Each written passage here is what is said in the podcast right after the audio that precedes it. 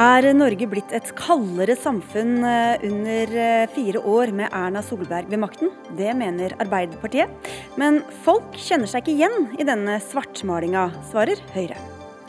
Sitter oslofolk livsfjerne på trikken og drømmer om miljøfest, mens resten av Norge tar regninga?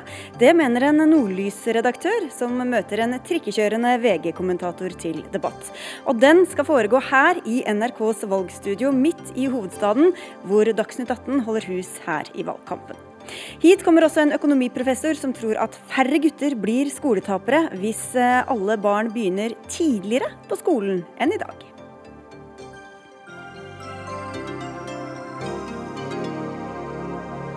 Du hører på NRK P2 eller ser på NRK2. Jeg heter Sigrid Solund og følger dere den neste timen her i Dagsnytt 18.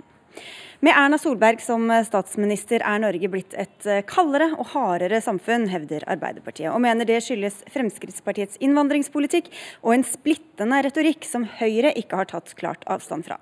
Det var eh, partileder Jonas Gahr Støre som gikk ut i Dagbladet i helga og tok det han kalte et verdioppgjør med Høyre. Nå følger du opp, eh, Espen Barth Eide, du er stortingskandidat for Arbeiderpartiet. På hvilken måte er Norge blitt hardere og kaldere under Erna Solberg? Jeg har bodd nesten fire år i utlandet og kommet hjem nå til norsk debatt og merket en eh, betydelig tilstramning når det gjelder hva det går an å si om andre mennesker. Både innvandrere som bor i Norge og asylsøkere og flyktninger fra utlandet. Tilstramming mener du egentlig utvidelse? En, altså det, har verre, det har vært et verre eh, klima, et hardere klima. Og Det som bekymrer meg, er ikke hva Høyre sier, for jeg vet at dette ikke er eh, sånn man tenker i det tross alt ganske anstendige partiet Høyre, men at Høyre har legitimert at Frp har fått lov å utvide rommet for hva det går an å si i Norge, med eh, integrerings- og innvandringsminister Sylvi Listhaug som den fremste representanten, som altså snakker om andre mennesker på en slik måte at det skaper splid eh, og, eh, og fiendskap mellom gruppene. Og Dette opplever vi som et mønster i en del eh, europeiske land. Nemlig at den, eh, si, moderate, normale høyresiden eh, aksepterer at høyrepopulismen eh, kommer inn, får politisk makt og slipper til med standpunkter som for bare få år siden ville vært veldig underlig å si. F.eks. at man skal sette til side eller sågar utfordre helt sentrale menneskerettighetsprinsipper, sånn som Den europeiske menneskerettighetskommisjonen. Men dette er jo enkeltutspill, og du nevner én person. Hvordan, du, hvordan, hvordan er det et mål på at Norge er blitt et hardere og kaldere sted? Ja, er jo, Hun er vel den fremste representanten i regjering for dette, altså i det politiske systemet. Men det er jo en underskog av folk som eh, sier og skriver dette også i sosiale medier og andre steder. Og dette har også fått en slags legitimering gjennom at du har en ansvarlig statsråd som sier dette. Og så sier da Høyre at eh, nei, vi mener ikke det. Og jeg er jo glad for at ikke Høyre mener disse tingene, det skulle bare mangle. Men at eh, vi må tolerere det fordi nå er det valgkamp og Frp må fremme sin politikk. Og det bekymrer meg at man ikke fra ansvarlig høyrehold tar mer tydelig avstand fra standpunkter som jeg mener man for bare få år siden ikke ville kunne høre i norsk eh, ordskifte. Henrik Asheim, stortingsrepresentant for Høyre. Disse utspillene og disse formuleringene som vi har sett de siste årene og i denne valgkampen, kunne vi sett dem for fire år siden? Ja, det tror jeg. Men det er ikke noe nytt. Altså, jeg vokste jo opp på 90-tallet. Da var det jo en helt annen og veldig hatsk innvandringsdebatt. Jeg tror Hvis du reiser rundt i Europa nå og ser på debatten rundt innvandring og integrering, så er Norge et av de landene med lavest konfliktnivå. Og Det er bl.a. fordi vi har en regjering som har på den ene siden ja, sendt ut asylsøkere som ikke har krav på opphold, men samtidig gjort noe med det dere etterlot dere i regjering. 5000 flyktninger som hadde krav på opphold, som satt på mottak. Bosettingen er rekordhøy. Og Grunnen til at dere har tatt opp dette nå, som Jonas Gahr Støre tok opp, er altså at hun var ute og sa at hun ønsket å utfordre en del internasjonale konvensjoner. Det er tre partier i dette valget her som har det i sitt program. Det er Fremskrittspartiet, det er Senterpartiet og det er Arbeiderpartiet. Hvis du ser på formuleringen i Fremskrittspartiets program, så er den til forveksling helt lik Arbeiderpartiets politikk på dette. Så det at du mener at liksom, dette er så kaldt og grusomt, vel, da bør du ta et oppgjør med ditt eget landsmøte, som vedtok akkurat det samme for bare noen måneder siden. Vi har gjort veldig klart fra Arbeiderpartiets side at vi mener omtrent det motsatte av det Fremskrittspartiet mener. Vi mener at det er et internasjonalt system som ikke fungerer godt. Vi har ikke godt europeisk samarbeid, solidarisk samarbeid om en kollektiv utfordring. Men vi har sagt veldig tydelig at vi aldri vil kompromisse på grunnprinsippene f.eks. i Flyktningkonvensjonen, som sier retten til å søke asyl og plikten til ikke å sende folk hjem til, eh, til Ja, forfølgelse. Det har jeg selv gjort, bl.a. i dette studio. Ja, eller ikke dette studiet, men i Arendal, da vi var der og snakket. Og da var det, for dere hadde ikke noe annet, noe annet dere ville erstatte det med, så det er litt uavklart egentlig nøyaktig hva, hva det er dere, dere vil gjøre. Men Jo, et, et, et langt mer effektivt system med mye sterkere autoritet til eh, FNs høykommissær for flyktninger og et mye tettere europeisk samarbeid om disse spørsmålene. Men vi vil altså ikke utfordre helt grunnleggende eh, menneskerettighets- eh, og flyktningkonvensjoner, mens vi altså har en ansvarlig statsråd for dette feltet som sier at det er nettopp det hun vil. Hun vil utfordre den europeiske Men det har jo den har Erna altså- og andre sagt at det skal de ikke gjøre. Ja. Så hva er det du da etterlyser fra Høyre, egentlig? Nei, altså jeg reagerer på at Høyres eh, reaksjon på det er delvis at, eh, at eh, miljøminister um, Vidar eh, Helgesen. Vidar Helgesen tvitret at dette ikke var regjeringens syn. Eh, som sagt, jeg er glad for det. Og så kom Erna Solberg og si at dette, sa at dette ikke står på eh, agendaen. Dette er ikke regjeringens politikk. Det skulle bare mangle. Jeg er glad for det. Eh, men poenget er at så sier man at det er på en måte greit. fordi at nå er det valgkamp, og Frp må få si hva de vil. Så vet vi alle at i valgkampen så kan man komme med et veiprosjekt eller et skoletiltak som er ulikt de andre partiene. Men her snakker vi om bærende elementer i det som gjør oss til, et, til Norge og til et vestlig samfunn. Nemlig at vi tror at menneskerettighetene gjelder for alle mennesker, og også da for alle mennesker som oppholder seg på norsk jord. Ja, og program, Programformuleringen til Fremskrittspartiet er lik den som dere går til valg på. Så Du må stå for den politikken dere faktisk går til valg på. Og Det er så typisk Arbeiderpartiet at du på en måte tolker andre i verste mening og deg selv i beste mening. Og Så langt i valgkampen nå så har altså Erna Solberg blitt sammenlignet med Margaret Thatcher. Hun har fått beskjed om, av Arbeiderpartiet hun har fått beskjed om at hun er unorsk. Eh, Gro Harlem Brundtland sa at dette er den verste regjeringen siden Kåre Willoch. Nå stemte riktignok Jonas Gahr Støre på Kåre Willoch og ikke på Gro. Men det er altså sånn at dere er nå fulle av retorikk og prat om noe som jeg tror nordmenn ikke kjenner seg igjen i. For faktum er at på den ene siden så er det helt riktig, vi har en streng innvandringspolitikk. Den er også basert på et flyktningforlik som, Som vi er enige om. Arbeiderpartiet har vært Ja. med på. Ja. Så har vi samtidig satt rekord i å bosette flyktninger. Noe av det dere holdt på med, var at dere holdt flyktninger på mottak istedenfor å gi var dem inne, jobb. inne på innledningsvis. Jo, men, og vi har gjort veldig mye for f.eks. mindreårige asylsøkere, som dere sendte ut en masse, men som nå får opphold. men hvis vi tar utgangspunkt i Men også noe, er av, det- i noe av det som ble sagt her ikke sant? Erna Solberg har jo tatt, flere, uh, uh, har tatt uh, avstand fra flere ting som er blitt sagt fra Sylvi Listhaug og Per Sandberg de siste årene. Vi, har, sant? vi kjenner alle den retorikken om gullstol osv. Mm. Men hvorfor er hun ute og tar avstand gang på gang, i stedet for å si at sånn skal vi ikke ha det fra regjeringshold, sånne utspill skal ikke komme, hvis det er sånn at hun er uenig i dem? Fordi det går an å være uenig i retorikk, men enig i politikk. Og det går altså an for en statsminister å si ifra. Jeg tror også man kan se at måtte, Jonas Gahr Støre og Trygve Slagsvold Vedum snakker på forskjellige måter. Eh, Og det samme gjelder også statsråd denne regjeringen. Eller da Kristin Halvorsen som finansminister gikk ut og foreslo å boikotte Israel. Da måtte også Jens Stoltenberg på banen og si dette er ikke regjeringens politikk, selv om en SV-leder mener det.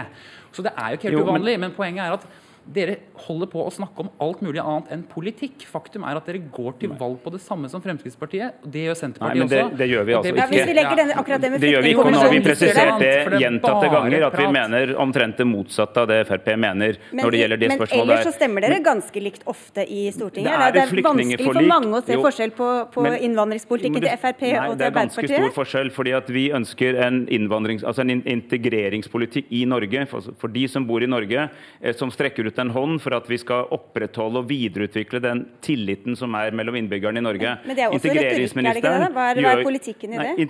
det er jo, en, det er jo et, um, en politikk for eh, små forskjeller, for eh, arbeid til alle, for godt solesystem som gjør at alle kan være med i både å, å, å dele og bidra. Hele dette bidrar til integrering, bidrar til, eh, til deltakelse. Men Men jeg bekymrer meg spesielt mye over retorikken til deler av regjeringsapparatet, eh, og, og ikke minst eh, integrerings- og innvandringsministeren, som snakker på en sånn måte at det skaper splid. Og det er et mønster i det vi kan kalle høyrepopulistiske partier i Europa. hvorfor er den retorikken så viktig hvis politikken ikke er så stor uh, avstand mellom Jeg mener at det er stor forskjell på politikken, for nå blander vi sammen eh, altså asyl- og innvandringspolitikken. Der er det et forlik. Så har du integreringspolitikk, hva du gjør med folk i Norge, altså de som bor her, legitimt, lovlig. Der mener jeg at det er eh, milevid forskjell mellom den politikken vi står for, og den som predikes av Fremskrittspartiet, og som indirekte støttes av Høyre, ikke fordi det er i Høyres program, men fordi de altså legitimerer Fremskrittspartiet i regjering. Men jeg tror noe av det som er grunnen til at Arbeiderpartiet har store problemer i denne valgkampen, er at dere snakker om et samfunn som ikke er gjenkjennelig for folk. Altså Når du sier at det norske samfunnet har blitt kaldere og fælere, så sier du egentlig at norske velgere og norske innbyggere også har blitt kaldere. Men det er veldig mange som har altså reagert sagt, på de uttalelsene som er kommet, ikke, som er langt utover Arbeiderpartiets kaldere, grenser. Du snakker to på en gang. da er det meg du skal ja, lytte til. Okay, jeg vet aldri. det må du lære deg. Ja, ja, okay. når, når, det, altså, det, er mange flere enn Espen Barth Eide og hans parti som har reagert på den retorikken, som jo også deres egne tar avstand fra. Ja, og man skal ha en skikkelig retorikk, men mitt poeng er bare at jeg syns det blir så hult når Arbeiderpartiet sier at dette her har gjort Norge til et kaldere samfunn. For jeg tror ikke Hva syns du det har gjort det til? Det? Nei, Jeg mener at vi har en innvandrings- og integreringspolitikk som på den ene siden er streng der hvor det er nødvendig, men som samtidig er mer human enn Arbeiderpartiet etterlot seg i regjering. Og det er altså ikke slik at Norge nå, under Erna Solberg altså Det dere gjør, dere importerer problemer fra et annet land, sier at dette er Norge. Donald Trump og Erna Solberg fra Bergen er to veldig forskjellige politikere med to veldig forskjellige agendaer. Så dere bør jo heller begynne å drive valgkamp på den politikken dere skal gjennomføre, istedenfor å bare snakke om et samfunn som ikke er det norske. Jo, men, Fordi det er altså sånn... Norge er et godt land å bo i, og Norge er blitt bygd opp gjennom veldig mange, veldig mange år. Men trenden i ordskiftet om både innvandring og om integrering er negativ. Den går i kald retning, går i feil retning, og det er farlig. For det støter folk fra oss snarere enn å trekke dem til oss, og det setter grupper opp mot hverandre. Og jeg mener at Listhaugs måte å blande sammen alt fra altså, asylsøkere, både de som har rett på asyl og de som ikke har det, med terrorister, eh, som hun gjør på sin ja, litt sånn indirekte måte, ja. det mener jeg er svært alvorlig. Og jeg bekymrer meg for at Høyre lar det slippe så lett igjennom. Det er jo fordi, altså, Hun har jo aldri sagt det. Jonas Gahr Støre sier 'slik jeg oppfattet det', så var det sånn. Ja, jeg og jeg, sånn. altså, jeg finner meg Arbeiderpartiet for mye, men politiske kommentatorer er dere ikke. Dere skal være i opposisjon i fire år til, men det er en annen sak. Vi får se. Takk skal dere ha i denne omgang, i hvert fall Henrik Asheim fra Høyre og Espen Barth Eide fra Arbeiderpartiet.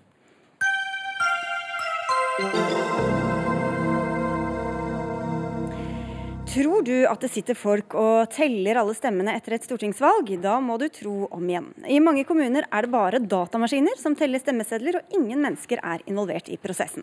Patricia Aas, du er programutvikler, og du har interessert deg for hvordan denne digitale tellingen foregår. Og da du forsto at det er mange kommuner som ikke kontrollteller manuelt, så begynte du å stille spørsmål, men du har fortsatt ikke fått svar på ordentlig, sier du. Hva er det du ville vite? Nei, altså aller viktigst er jo at vi har en måte å oppdage om tellingen er feil.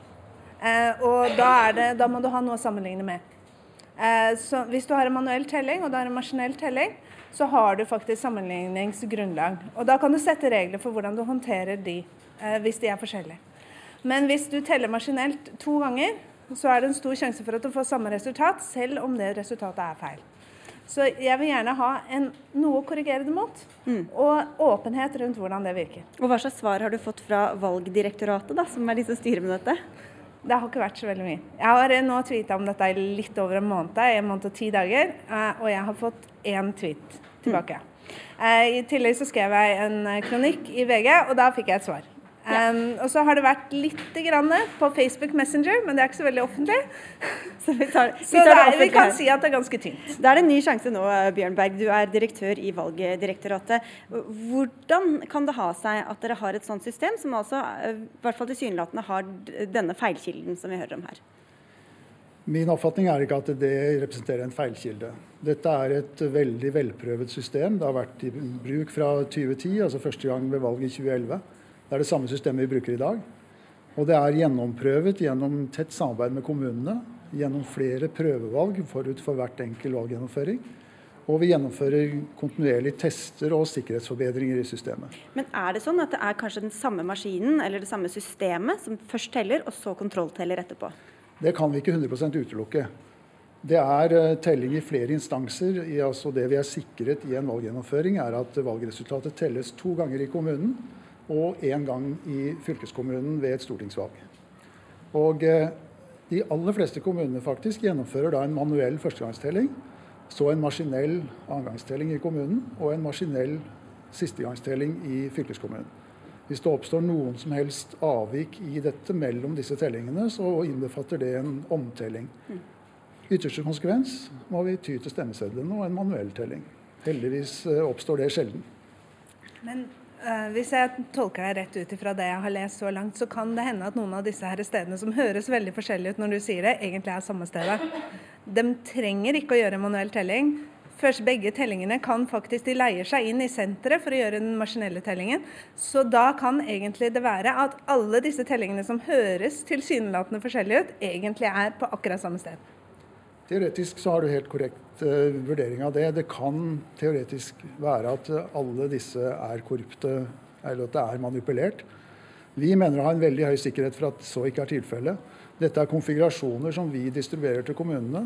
Hvis noen i hele tatt prøver å manipulere de, så vil vi ikke gjenkjenne de. Men må de det være manipulert? Kan det ikke bare være at det er en feil, feil inni der et eller annet sted?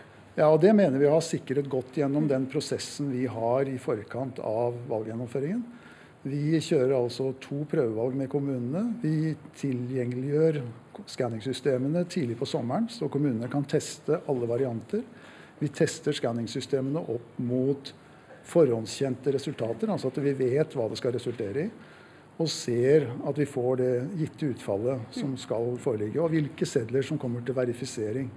For her er det jo en veldig nøyaktighetskrav i skanningen. Og hvis det er noen som helst tvil i skanningprosessen, så kommer det til manuell verifisering. Dette, det er jo litt teknisk, men det handler jo faktisk om at stemmen vår eh, kommer ut som den stemmen vi har gitt. Eh, Torgeir Waterhouse, du er direktør for internett og nye medier i EKT Norge. Eh, hvor beroliget er du av svaret her? Nei, ikke så altfor beroliget. Og det, det handler litt om at den delen av systemet som direktoratet har full kontroll på, det de tester, det de sender ut på prøvevalg i kommunene osv. Der er nok ting sånn som det skal være. Samtidig så er det mye av dette systemet som er overlatt til kommunene. Hvordan de gjør ting lokalt, hvordan man velger å gjennomføre. Og de kan da, som det er blitt sagt her, velge å bruke den samme maskinen til å gjøre andregangs telling.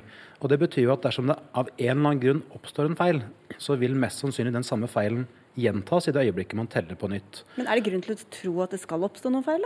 Noe av poenget her er at man skal rigge systemet sånn at man kan håndtere feil og oppdage feil dersom de oppstår. Så det, er litt det samme som å være ute og kjøre bil. Du har på deg bilbelte ikke fordi du har tenkt å kollidere, men fordi det kan hende at det skjer. Og I denne situasjonen så har vi ikke, i tillegg til selve det praktiske problemet som kan oppstå, så handler dette også om tillit til valgsystemet. og Det er også en av oppgavene til direktoratet. Å sikre at det gjennomføres med tillit. Mm.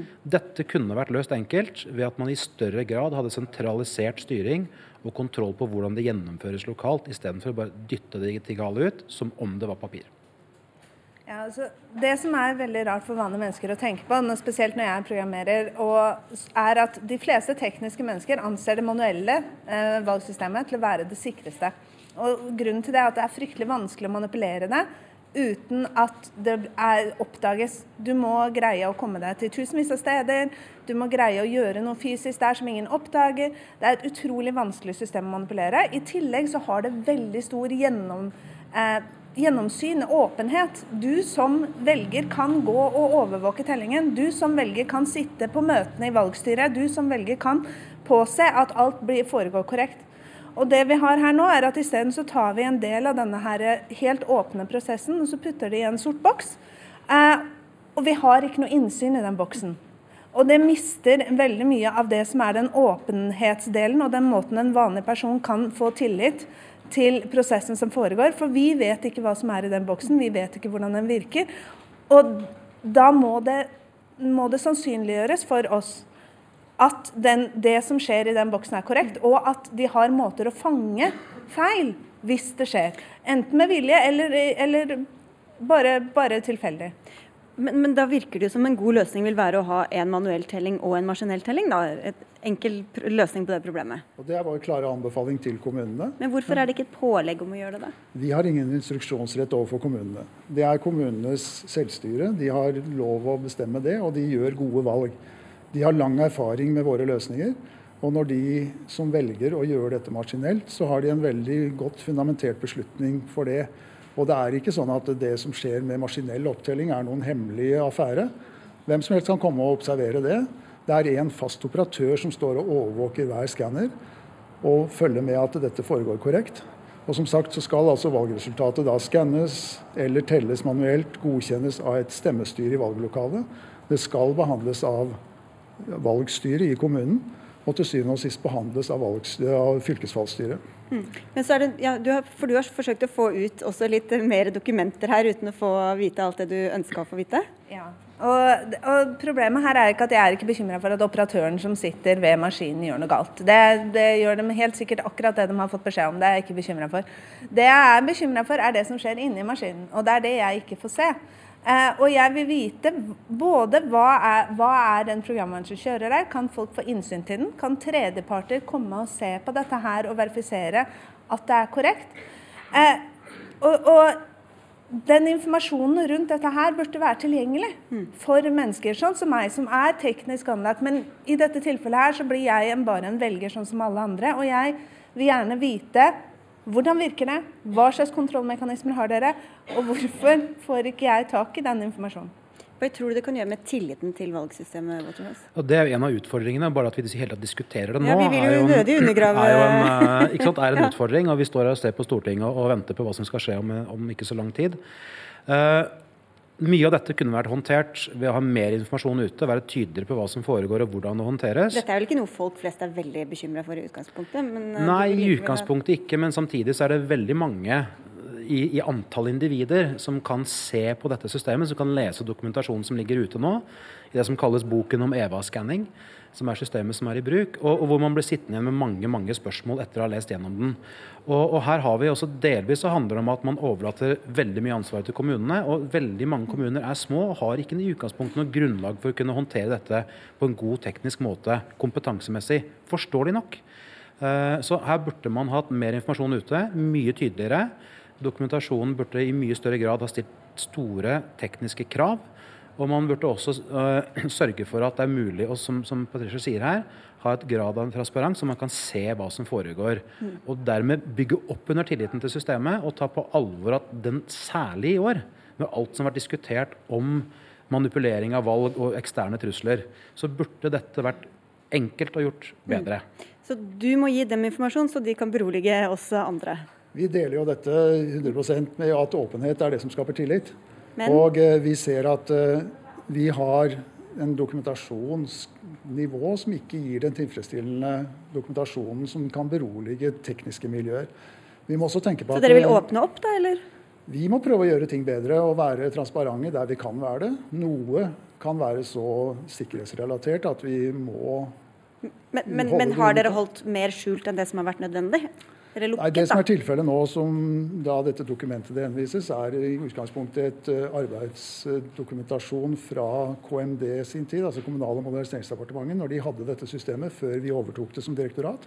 Og lagd av utviklerne for at det skulle ivareta kunnskapen og tankene rundt systemet langt fra å være en fullgod systemdokumentasjon. Men det står jo samtidig for at det er opp til kommunene hvordan de eventuelt tar backup, og det kan være lurt å ha backup i tilfelle stemmene blir omtvista. Så, så det, det, ligger så mange snubletråder i det dokumentet og som skaper usikkerhet. og Det er her vi har en veldig tydelig agenda. Dette må samfunnet vårt håndtere bedre, så tilliten ivaretas når vi nå skal gjennomføre viktige, og ikke minst i år, Utrolig ja, tighte valg. Bare fordi det, når vi løp, Tida løper fra seg, men bare helt på tampen her. Eh, det som da har svevet litt over her, er jo muligheten for hacking. ikke sant? At noen kan komme inn her og, og påvirke valgresultatet. Er det grunn til å tro at det i det hele tatt kan skje her?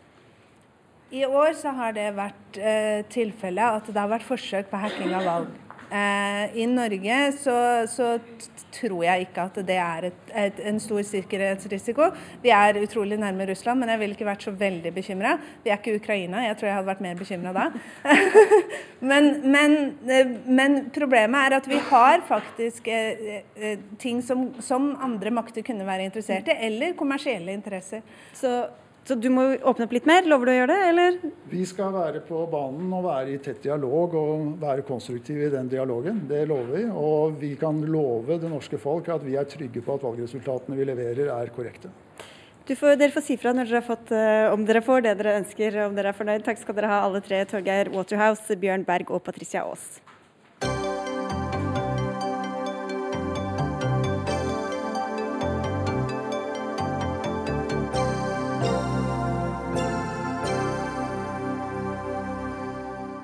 Fedrekvoten er noe vi diskuterer støtt og stadig, ikke minst her i Dagsnytt 18. Men hvem som kan få ta ut permisjon, er ikke like hyppig debattert. For i dag er det sånn at fars rettigheter er avhengig av om mor jobber, studerer eller er i andre typer aktivitet. Alle partiene på Stortinget vil egentlig endre systemet. Likevel har ingen regjering sørga for at permisjonsrettighetene er de samme for begge kjønn. Likestillings- og diskrimineringsombud Hanne Bjurstrøm, hva sier egentlig regelverket i dag om forskjellene mellom mor og far når det gjelder denne fødselspermisjonen? Altså I dag er det sånn at for at eh, far skal kunne ta ut denne valgfrie delen som foreldrene kan dele, så må mor altså ut i aktivitet, enten skole eller utdanning. Eh, jeg har lyst til å bare med en gang si at Dette regelverket som du nevnte er utrolig komplisert. Forskning viser faktisk at en del fedre ikke tar ut kvoten bare fordi det er så vanskelig. Så Én uh, ting er at man ikke setter av penger til dette, men en annen ting er at vi må se og få det regelverket enklere. Sånn at foreldre faktisk kan bruke en rett som det er ekstremt viktig fra et likestillingsperspektiv at man bruker. Og Mange vet ikke om det. De oppdager det i situasjonen at f.eks. hvis mor er arbeidsledig, at oi, der, da, da var det ikke noe permisjon på oss da. Ja, det er situasjonen, og det er veldig beklagelig. Jeg tror alle vet at likestilling det fordrer at far tar et større ansvar hjemme. Og da må vi gjøre det lettere og enklere for far å gjøre det. Hvor mange er det snakk om i året som blir rammet av dette? Jeg tror man sier at rundt 10-15% av de som er i den aktuelle posisjonen, eller eh, for å kunne gjøre det, eh, mister retten fordi at mor Eh, ikke er i aktivitet eller arbeid. Jeg har bare lyst til å skyte også at vi, jeg ønsker jo at mor skal være ute i aktivitet og også arbeid og utdanning. Jeg tror det også er viktig ut fra et likestillingsperspektiv. Men man må ikke la det være dominerende, sånn at far ikke får den retten som han skal ha. Nicholas eh, Wilkinson, du er stortingskandidat eh, for SV i Akershus. Og selv ikke din, parti, din partileder, men tidligere likestillingsminister klarte å sette dette selvstendige uttaksretten for far høyt nok. Dere ønsker en prioritering, men har ikke, eh, eller ønsker en endring, men har ikke prioritert det. Vi var jo opptatt med tidenes løft for foreldrepermisjon når vi satt i regjering, og vi økte jo pappakvoten. Men du har helt rett, det er ikke godt nok. Altså, tallet er ca. 6000 fra de tallene vi har sett, fedre som rammes av dette. Og Det betyr jo f.eks. at kvinner som er i deltid, de rammes dobbelt med straff. Fordi I tillegg til at du ikke får en god nok lønn, så har du ikke da en far som kan være hjemme med barnet. Og Vi i SV mener jo da at alle barn har rett på en pappa. Men da vil jeg også gi litt ekstra ros til Kristelig Folkeparti, faktisk. Fordi de har foreslått 50 millioner i sitt budsjett for å begynne den jobben. Det syns vi er svært mm. viktig. Og vi i SV gleder oss til å samarbeide med Kristelig Folkeparti framover for å få det på plass. Du, den var smooth, ja, ja, den der. Hans Olav Sivertsen eh, fra eh, Kristelig Folkeparti. Dere er altså det eneste partiet som har prioritert dette i deres alternative budsjett. Hvorfor, hvorfor har dere gjort det? Jeg, jeg tror vi må se på det grunnleggende her, og du har helt rett. Eh, mange henvender seg og spør hva er grunnen til at ikke jeg får denne kvoten? Fordi det som er helt spesielt, det er at en far er ikke en far i kraft av seg selv i dette spørsmålet. Nei, spørsmålet dreier seg da om mor er i en form for arbeid eller utdanning eller noe lignende. Så det er ikke noe selvstendig for uh, pappaene uh, å tjene opp her. Det er helt avhengig av hva som skjer med, med ektefelle eller partner. Så det er jo, for meg er det jo noe helt grunnleggende urettferdig. Og det samarbeider jeg gjerne med deg og med andre om for, for å få endret på. Masse flørting på venstre flanke her. ja, bare på denne saken, da. Hva gjør disse parene, da? Jeg bare kommenterer for én ting er at Det er urettferdig, men vi har også kommet til at det er eh, i strid med eh, lovgivningen, for det er diskriminerende. Du har jo ikke tilsvarende krav når det gjelder altså, mor. Sånn at her diskriminerer man faktisk. Det kunne jo vært artig å få prøvd en sånn ja, og det, og det Poenget er at. ESA et, er, i, er, i, dialog med Norge og norske myndigheter i forhold til dette. Uh, og vi risikerer å få et brudd i forhold til EØS-regelverket uh, på dette. Og kanskje er det det som må til da, for at man flere partier, nå får jeg også rose Kristelig Folkeparti, setter av penger og får gjort noe med dette. Men, ta, men da til mitt spørsmål, hva gjør disse parene? Dette er veldig sånn komplisert materie. Ja. Eh, hva gjør disse parene da, hvor de da skjønner at uh, her blir det ikke noe pappapermisjon, eller egentlig ingen permisjon? Eller hva er det som skjer? Ja, det som skjer da, er jo at, at mor fortsetter å være hjemme, mm. uh, og at far må arbeide. og hvis hva heter det for noe? Jeg klarer ikke å si noe, men at vi, vi, vi låser fast eh, segmenterer, mønstre, segmenterer ja. mønstre som vi ikke liker. og så går, går, barnet glipp av å få far der som omsorgsperson. Men dette koster mye 500 millioner i året eller et eller annet sånt nå? Hvis det er fullt ut ja. innarbeidet, ja. Og hvorfor skal, hvorfor skal, staten da betale masse penger for at to foreldre da skal gå hjemme? Jo, men du må jo spørre deg sjøl er det rettferdig at én av foreldrene ikke opptjener sin rettighet fordi man har et hannkjønn. Eh, det er jo det grunnleggende. Du kunne jo spørre det motsatte. Skal vi fjerne det for alle, så blir det likt. Men alle ser jo betydningen i vårt samfunn at barn, ikke minst de minste barna, får tid med både mor og far. Og vi er jo tverrpolitisk enige om at ikke minst papparollen den trenger å få et løft i barnets første leveår. Og det er jo det, eh, for meg i hvert fall, og KrF, dette handler om så er det viktig for oss i SV å si at dette handler jo også om medmor og medfar i homofile parforhold, som også mister den retten. Og så er det jo, Vi må se på likestillingspolitikken som helhet, tror jeg. For det vi vet er jo at en del av disse kvinnene, altså Hver tredje kvinne i Norge jobber deltid. Ganske mange av disse under 75% og faller utenfor. Og Hvis de da ønsker å jobbe mer underveis og ønsker å komme seg ut i arbeid, ikke ta hele mammapermisjonen, så får de ikke lov til det. For da er det ingen far som kan komme og være til stede. Og Det betyr at vi rett og slett låser også en del kvinner i å være utenfor arbeidslivet. Og for SV som et feministisk parti som mener at det er viktig at vi likestiller kjønnene, så er jo det også en veldig problematisk ting. Altså En ting er at mennene mister rett til å være med barnet sitt, vi mister retten til en pappa, men vi låser også kvinner ute av arbeidslivet, som er svært uheldig. Ja, Det er jo én måte å se det på. En annen måte kan jo være å se på at, altså, hva, hva gjør dette med arbeidslinja? Man skal jo, eh, man skal jo um nå er det jeg som mister ordene Belønne de som er ute i arbeid. ikke sant? Og det her er jo egentlig det motsatte, på en måte. Ja, og det er vel det som også har gjort at ikke man har fått den eh, prioriteringen, tror jeg, i budsjettet. At man tenker at, eh, at man skal ikke stimulere til at begge foreldrene er hjemme sammen. Eh, og jeg mener også at man skal stimulere bort fra deltidsstillinger. Vi vil ha kvinner inn i yrkeslivet. Man vil ha, vi må ikke ha de rare brøkkene som gjør at mange kvinner jobber deltid. Men vi er også i en situasjon hvor det er da slik at en del kvinner ikke er i den type aktivitet som loven krever. Og da eh, kan vi da si at ja, men da skal ikke barnet få den kontakten. Det mener jeg er feil.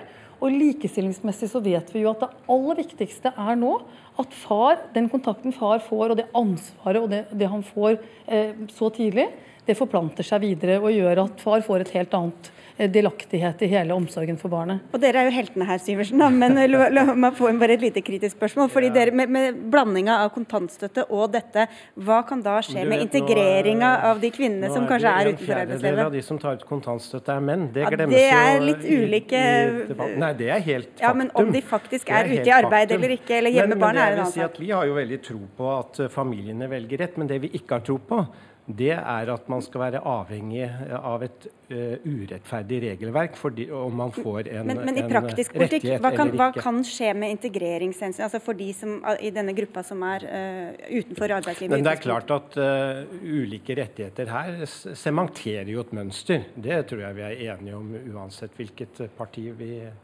vi står og snakker for. Ja, ikke egentlig, ja, ok. Det tror jeg ja. misforstår meg. Det, det jeg tror er poenget her, er at kontantstøtten som dere er for, er å betale folk for å være hjemme og ikke bruke barnehager. Det har svært negative, svært negativ effekt på likestillingen, svært dårlig negativ effekt ja. på integreringen. Du, Vi trenger at foreldre jeg tar, til, jeg tar tilbake det, det kontantstøttekortet. Skjønte du hva jeg mente, Hanne Bjørstrøm? Jeg skjønte hva du mente. jeg tror at Det som er poenget, er at ja, vi må Og det er ofte familier hvor det mønsteret er, og, og hvor kvinnen ikke jobber. Vi må gjøre alt, og det gjør vi ikke nok i Norge, for å integrere kvinner, f.eks. innvandrerkvinner inn i arbeidslivet sånn at de jobber sånn at denne situasjonen ikke for de familiene er, er standarden. på en måte. Men i, mens det arbeidet pågår, så må vi også sørge for at de mennene får den selvstendige retten som de skal ja, ha. Du må gjøre to ting på en gang. Ja, ja, nei, nei, du kan ikke det. Du vet hva, Sorry, du må komme tilbake og gjøre det. Vi må bare si at er vi for, men vi ønsker også språkopplæring ja. for de som ikke, ikke er gode nok i dag. Takk skal dere ha, Hanne Bjørsem, Nicolas Wilkinson og Hans Olav Sivertsen.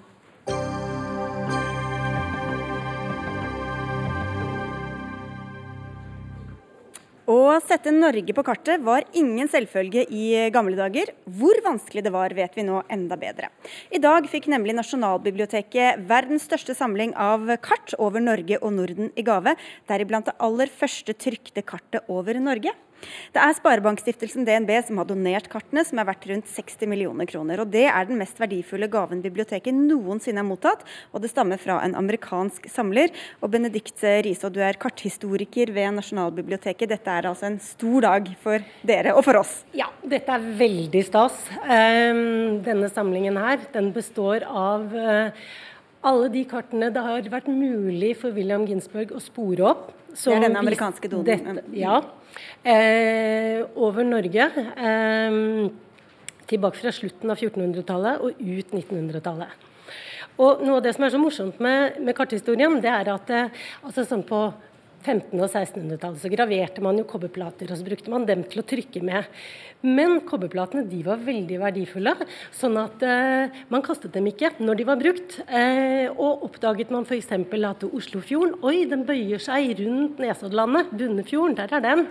Eh, så pusset man på trykkeplaten, og så graverte man på nytt, og så brukte man samme platen å trykke med. Så det gjør at egentlig mellom de ulike utgavene eh, av kanskje kart trykket med én og samme trykkeplate, der ligger den norske historien. Så dette her er rett og slett eh, eh, historien om kunnskapen om Norge i én stor samling. Så spennende. Du har plukka ut to kart fra den uh, nye samlingen fra 1482. Hva er det som gjør dem spesielle? Du, det, er, eh, det, ene er det første trykte kartet over Norden. Kom i en utgave av den gamle grekeren Tolemaios verk 'Geografia' i 1482. Han ble gjenoppdaget av Europa. Du kan få holde opp for det, dem som ser på TV, så kan du vise det. Der. For alle andre så kan du beskrive det. Ja. ja. Mm, ja, ja. Jeg holde opp? Hold opp, du. Bare la det ligge. Ja. ja. Um, Eh, jo, fra Europa i eh, middelalderen så var Ptolemaios han var gått i glemmeboka. Eh, kunnskapen om hans verk 'Geografia' fra ja, ca. 150 etter Kristus, eh, det hadde endt opp i Bysants. Og originalen er i dag tapt, men det finnes avskrifter av avskrifter av avskrifter av verket hans som var blitt oppbevart i bysantinske klostre. Uh, og Mesteparten av de avskriftene de er fra 1200-tallet. Um, og Ptolemaios verk det er rett og slett et læreverk i hvordan tegne kart. Og de avskriftene fra 1200-tallet de kom til Europa sent på 13-, tidlig på 1400-tallet. Hvor de da ble oversatt fra gresk til latin og sånn sett ble tilgjengelig for Europas lærde. Uh, og Europa hadde i middelalderen operert med kart med Jerusalem, troens navle, i midten, eh, og øst opp. Men de gamle grekerne de opererte med nord opp, og de hadde lengde- og breddegrader. Og det var også gått sånn nesten i glemmeboka for Europa. Så gjenoppdagelsen av Ptolemaios på 1400-tallet det er den største snuoperasjonen i karthistorien. Da gikk man bort fra å tegne Jerusalem i midten og øst opp, og over til å tegne nord opp. Så det er rett og slett eh, grunnlaget for utviklingen frem mot vår tids moderne kart. Og denne utgaven som ble utgitt i Ulm i Syd-Tyskland i 1482, den er en utgave av Ptolemaios verk 'Geografia'. Men det som var spesielt med den utgaven der, det var at uh, den hadde med noen såkalte tabula nova, altså nye tavler, kart over områder som Ptolemaios ikke kjente til. Så det er rett og slett puslespillbiten utenfor det han kjente til. Og vi er en av dem. Så den puslespillbiten som da ble med da, som er det kartet der over Norden eh, Han kjente til Danmark, litt grann av, av Skåne som en øy. Eh, de kom da, eller det kartet kom i den utgaven. Og det er første gangen Norge er på et trykket kart. Og I samme utgaven så var det også et verdenskart, eh, og der er vi også med. Og Noe av det som er morsomt der, det er at der er vi litt sånn halvveis utenfor rammen av kartet. Så er det tydelig at liksom, vi er med, men vi er likevel litt utenfor. Eh, så dette er første gangen Norge er på et trykket verdenskart. Men hva sier disse kartene og alle disse historiene om eh, oss utover det geografiske? Du, det er noe av det som er morsomt med dette her. fordi at det, Gamle kart de har så mye mer å by på enn det rent geografiske. De kan fortelle om, altså de forteller om astronomihistorie, astrologihistorie, eh, om selvfølgelig religiøse stridigheter, om handel, om, eh, om, luksusvarer og status, om selvfølgelig geografiske oppdagelser. Eh, men det går veldig mye i handel og varer, og veldig mange av disse kartene har fantastiske kartusjer. En kartusj det er eh, den eh, utsmykkede rammen rundt kartets tittel. Og Der er det gjerne med små tablåer med f.eks. ressursutnyttelse i nordområdene.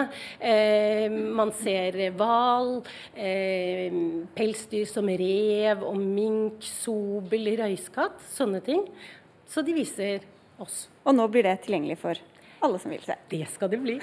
Takk skal du ha for at du kom til Dagsnytt 18, Benedikte Brisov fra Nasjonalbiblioteket.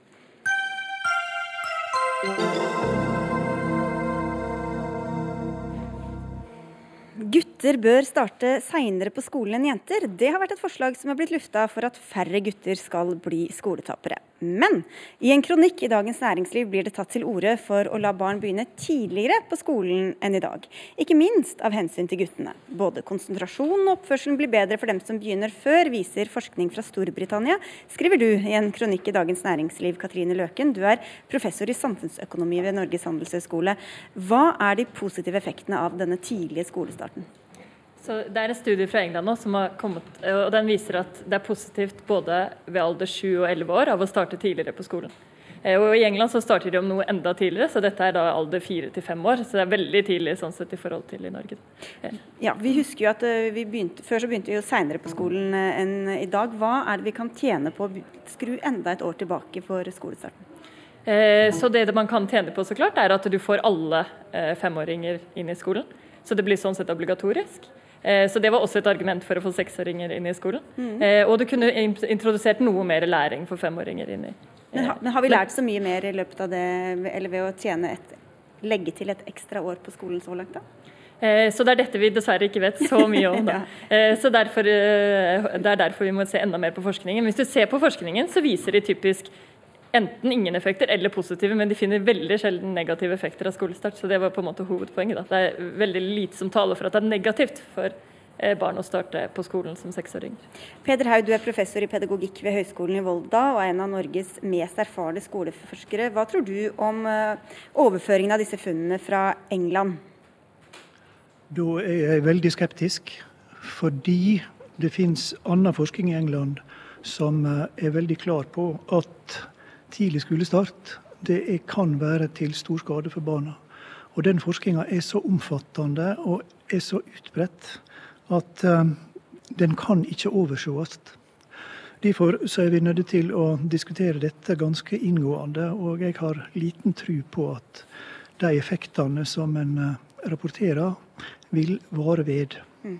Hva er de negative konsekvensene av det? Som eh, forskninga viser, det er at ved å sette små barn inn i mer styrte akademiske læringstradisjoner, så skaper du press og stress. Og stress over lang tid for små barn, det har langvarige skadevirkninger. Det går på motivasjon, altså lærelyst. Det går på lyst til å handle, det går på glede, det går på trivsel.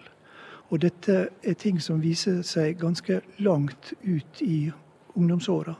Så disse undersøkelsene i i England som måler effekten opp til 11 år, det er, det er, ikke lenge nok til at en kan stole på at dette er varige verdier.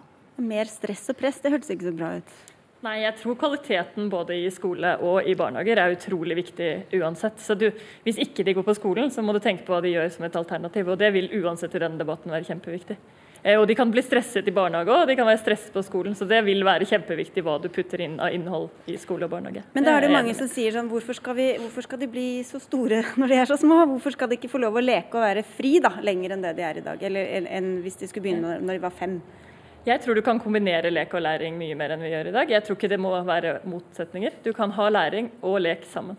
Og Det tror jeg du kan ha litt tidligere enn det vi tenker i Norge. Men dette er en mening, så det, det er mange forskjellige meninger om det. Peder Haug, hvis du lærer av forskninga fra England, men gjør andre ting, tilpasser det norske forhold, eh, kan det da være en idé med tidligere skolestart?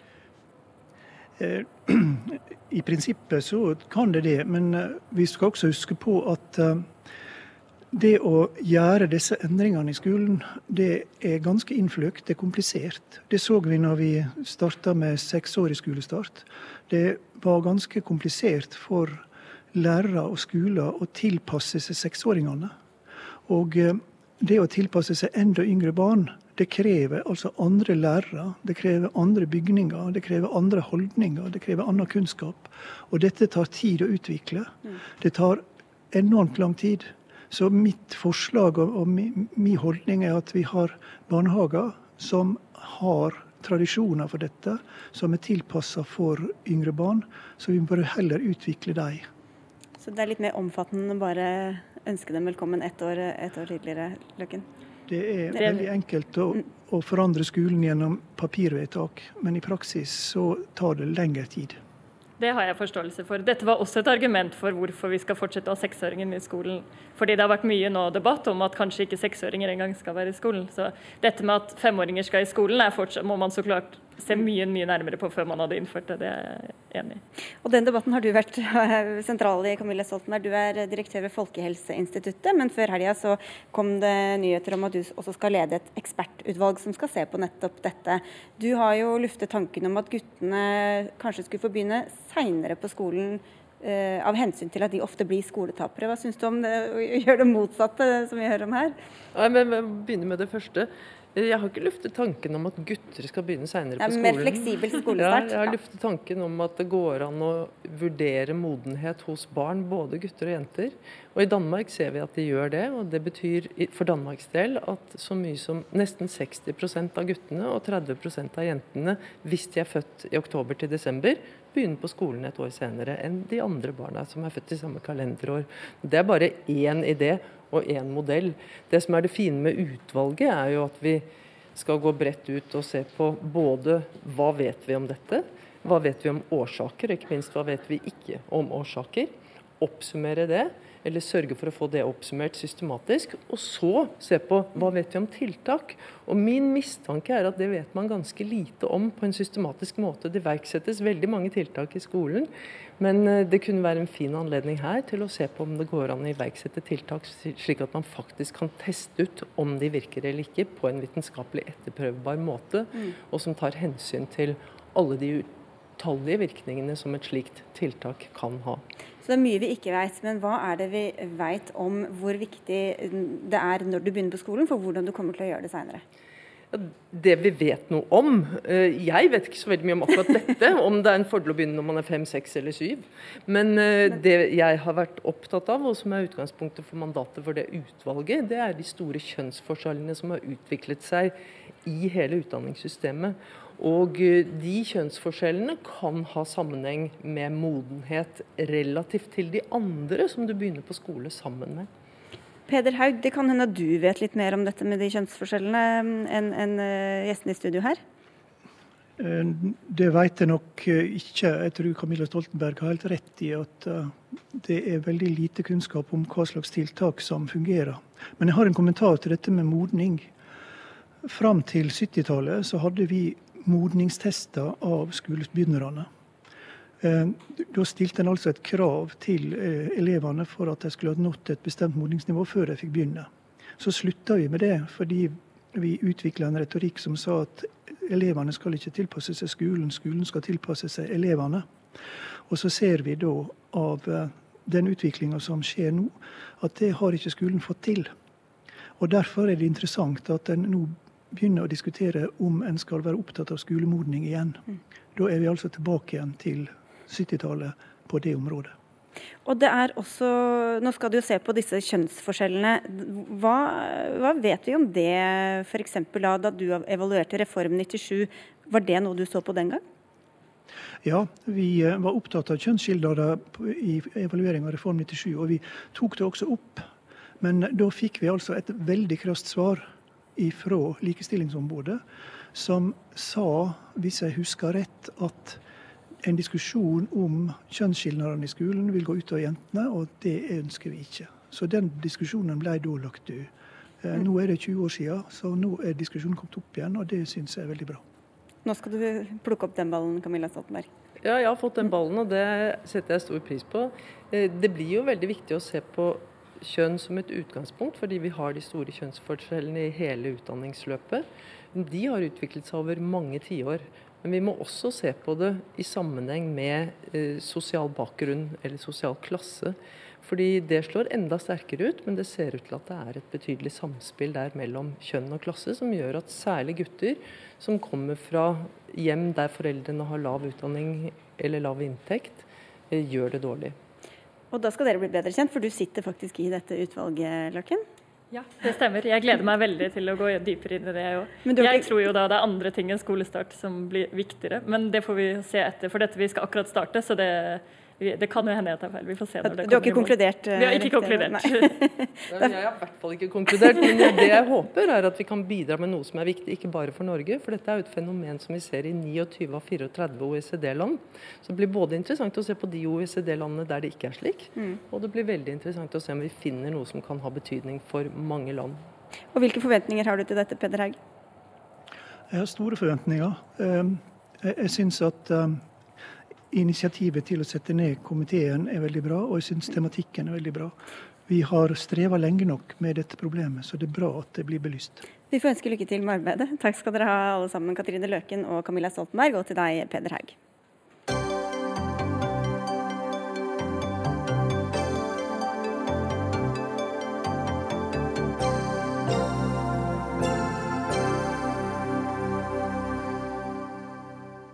Står eh, en fjerdedel av befolkninga i Oslo av virkelighetsfjerne folk? Ja, ifølge en kommentar i avisa Nordlys. I en meningsmåling i Aftenposten får nemlig SV, Rødt og Miljøpartiet De Grønne til sammen en oppslutning på 25 i hovedstaden. Oslofolk sitter på trikken og filosoferer og drømmer uten å forstå at noen må skape verdier, skriver du i denne nevnte kommentaren, Skjalg Fjellheim. Du er politisk redaktør i Nordlys. Hvorfor stempler du over 100 000 mennesker bare i Oslo som virkelighetsfjerne drømmere? Altså, jeg har gjort en observasjon da, på bakgrunn av den meningsmålinga i Aftenposten som du nevner, at en fjerdedel av velgerne i Oslo foretrekker partier som, som har det til felles at de sier nei til 180 milliarder kroner i året i inntekter til statskassa. I tillegg til å, å være skeptisk til mye annen industriell virksomhet rundt omkring i, i landet. Og alt dette uten å ha noe troverdig eh, forklaring på hvordan man skal skaffe alternative inntekter til eh, statskassa. Og, og, eh, altså det er altså en politikk som kan få dramatiske konsekvenser for bosetting og sysselsetting i Norge. Og 25% av eh, velgerne i Oslo er jo en betydelig velgermasse. Eh, Og det, dette tror jeg er en observasjon som veldig mange rundt omkring i, i Norge gjør, og ikke bare jeg som det har skrevet denne kommentaren. Anders Giæver, kommentator i VG. Tok du trikken ned hit? Satt du, hva satt du og drømte om? Nei, jeg, Nå har dere jo flytta så sentralt her i sentrum, så nå kunne jeg gå fra, fra arbeidsplassen min og, og ned hit. Så det er jo det mest miljøvennlige og livsfjerne av alt. Uh, ja. Men ja, Det var jo ikke noe spørsmål jeg hadde her, Nei, nei. ikke det. Eh, Men hvor, hvor flinke er Oslo-folk til å skjønne virkeligheten eh, andre steder i, i landet? Nei, ja, Det kan du selvfølgelig diskutere. Hvor flinke er nordmenn til å forstå virkeligheten i, i verden som sådan? Eh, når jeg reagerte på kommentaren til, til, til Skjalg, så var ikke det eh, egentlig pga. kritikken av eh, politikken til de tre partiene. Den er ikke så ulik eh, det vi stadig skriver på, på lederplass i VG. Vi går stort sett inn for olje, Nato og, og kongehuset, så hvis det er bidrag til verdiskapningen, så, så bidrar vi godt til BNP.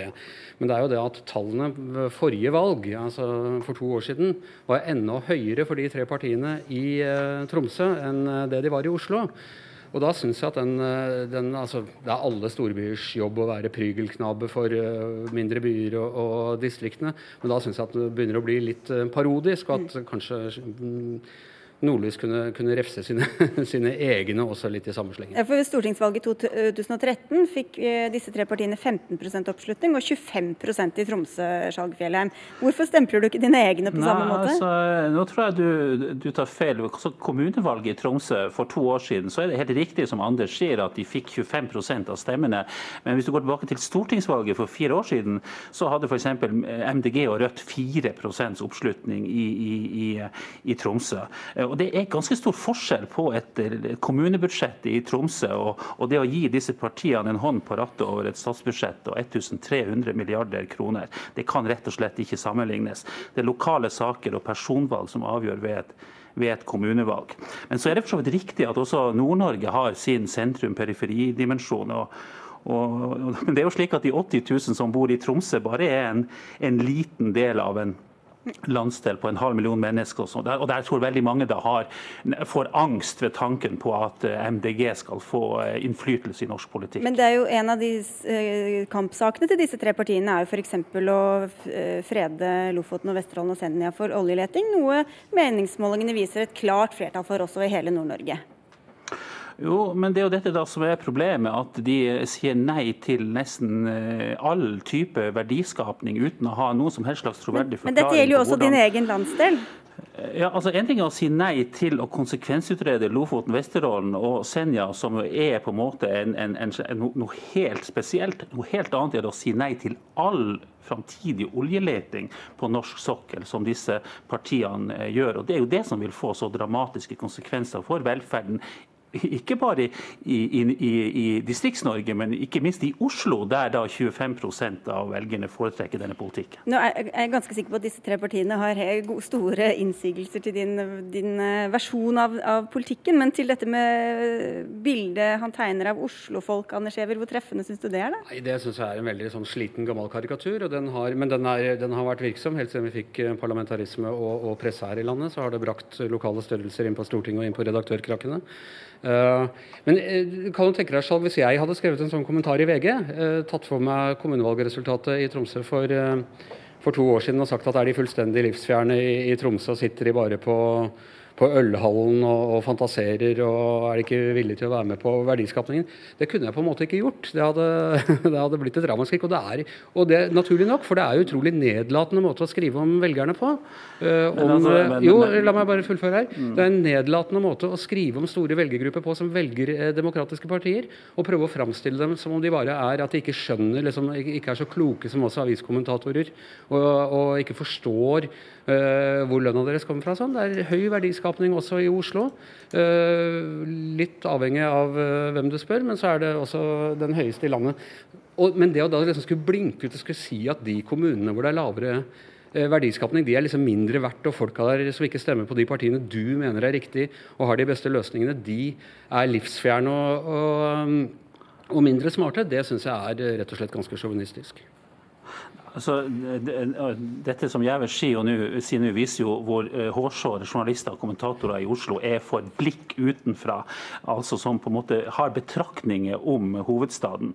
Altså Sentrum, periferi og vekst versus vern, det er tungt til stede i velgernes bevissthet. og Det ville det vært uten at jeg hadde skrevet denne kommentaren. Og VG hadde kanskje forstått det om de hadde vært mer til stede ute i landet, ikke hadde lagt ned alle sine lokalkontor rundt omkring i landet, reist rundt i Norge til Vesterålen og Finnmark og forsøkt å forklart for leserne sine hva det betyr for de menneskene som bor der, at Miljøpartiet De Grønne nå kan få makt i norsk politikk. Det har vært mye mer formålstjenlig enn å kritisere og bli hårsår over at noen har betraktninger om Oslo-politikken. Jeg skjønner at du ikke vil at vi skal kritisere deg, men jeg går ut fra at du, at du skriver denne kommentaren for å lede til debatt. og Da kan ikke all, alle svar bare være avskrevet sånn at jeg er hårsår i Oslo. Da må du kunne klare å svare på det uten å, uten å liksom være lei deg for at du er kritisert. Og så er det vel noen Nå er jo ikke Miljøpartiet De Grønne her, så jeg får bare satse på å si hva de kanskje ville sagt. Men det er vel andre som, eller de ville vel sagt at det er minst like virkelighetsfjern og ikke ta inn over seg bl.a. at vi skal faktisk prøve å nå dette togradersmålet og, og oppfylle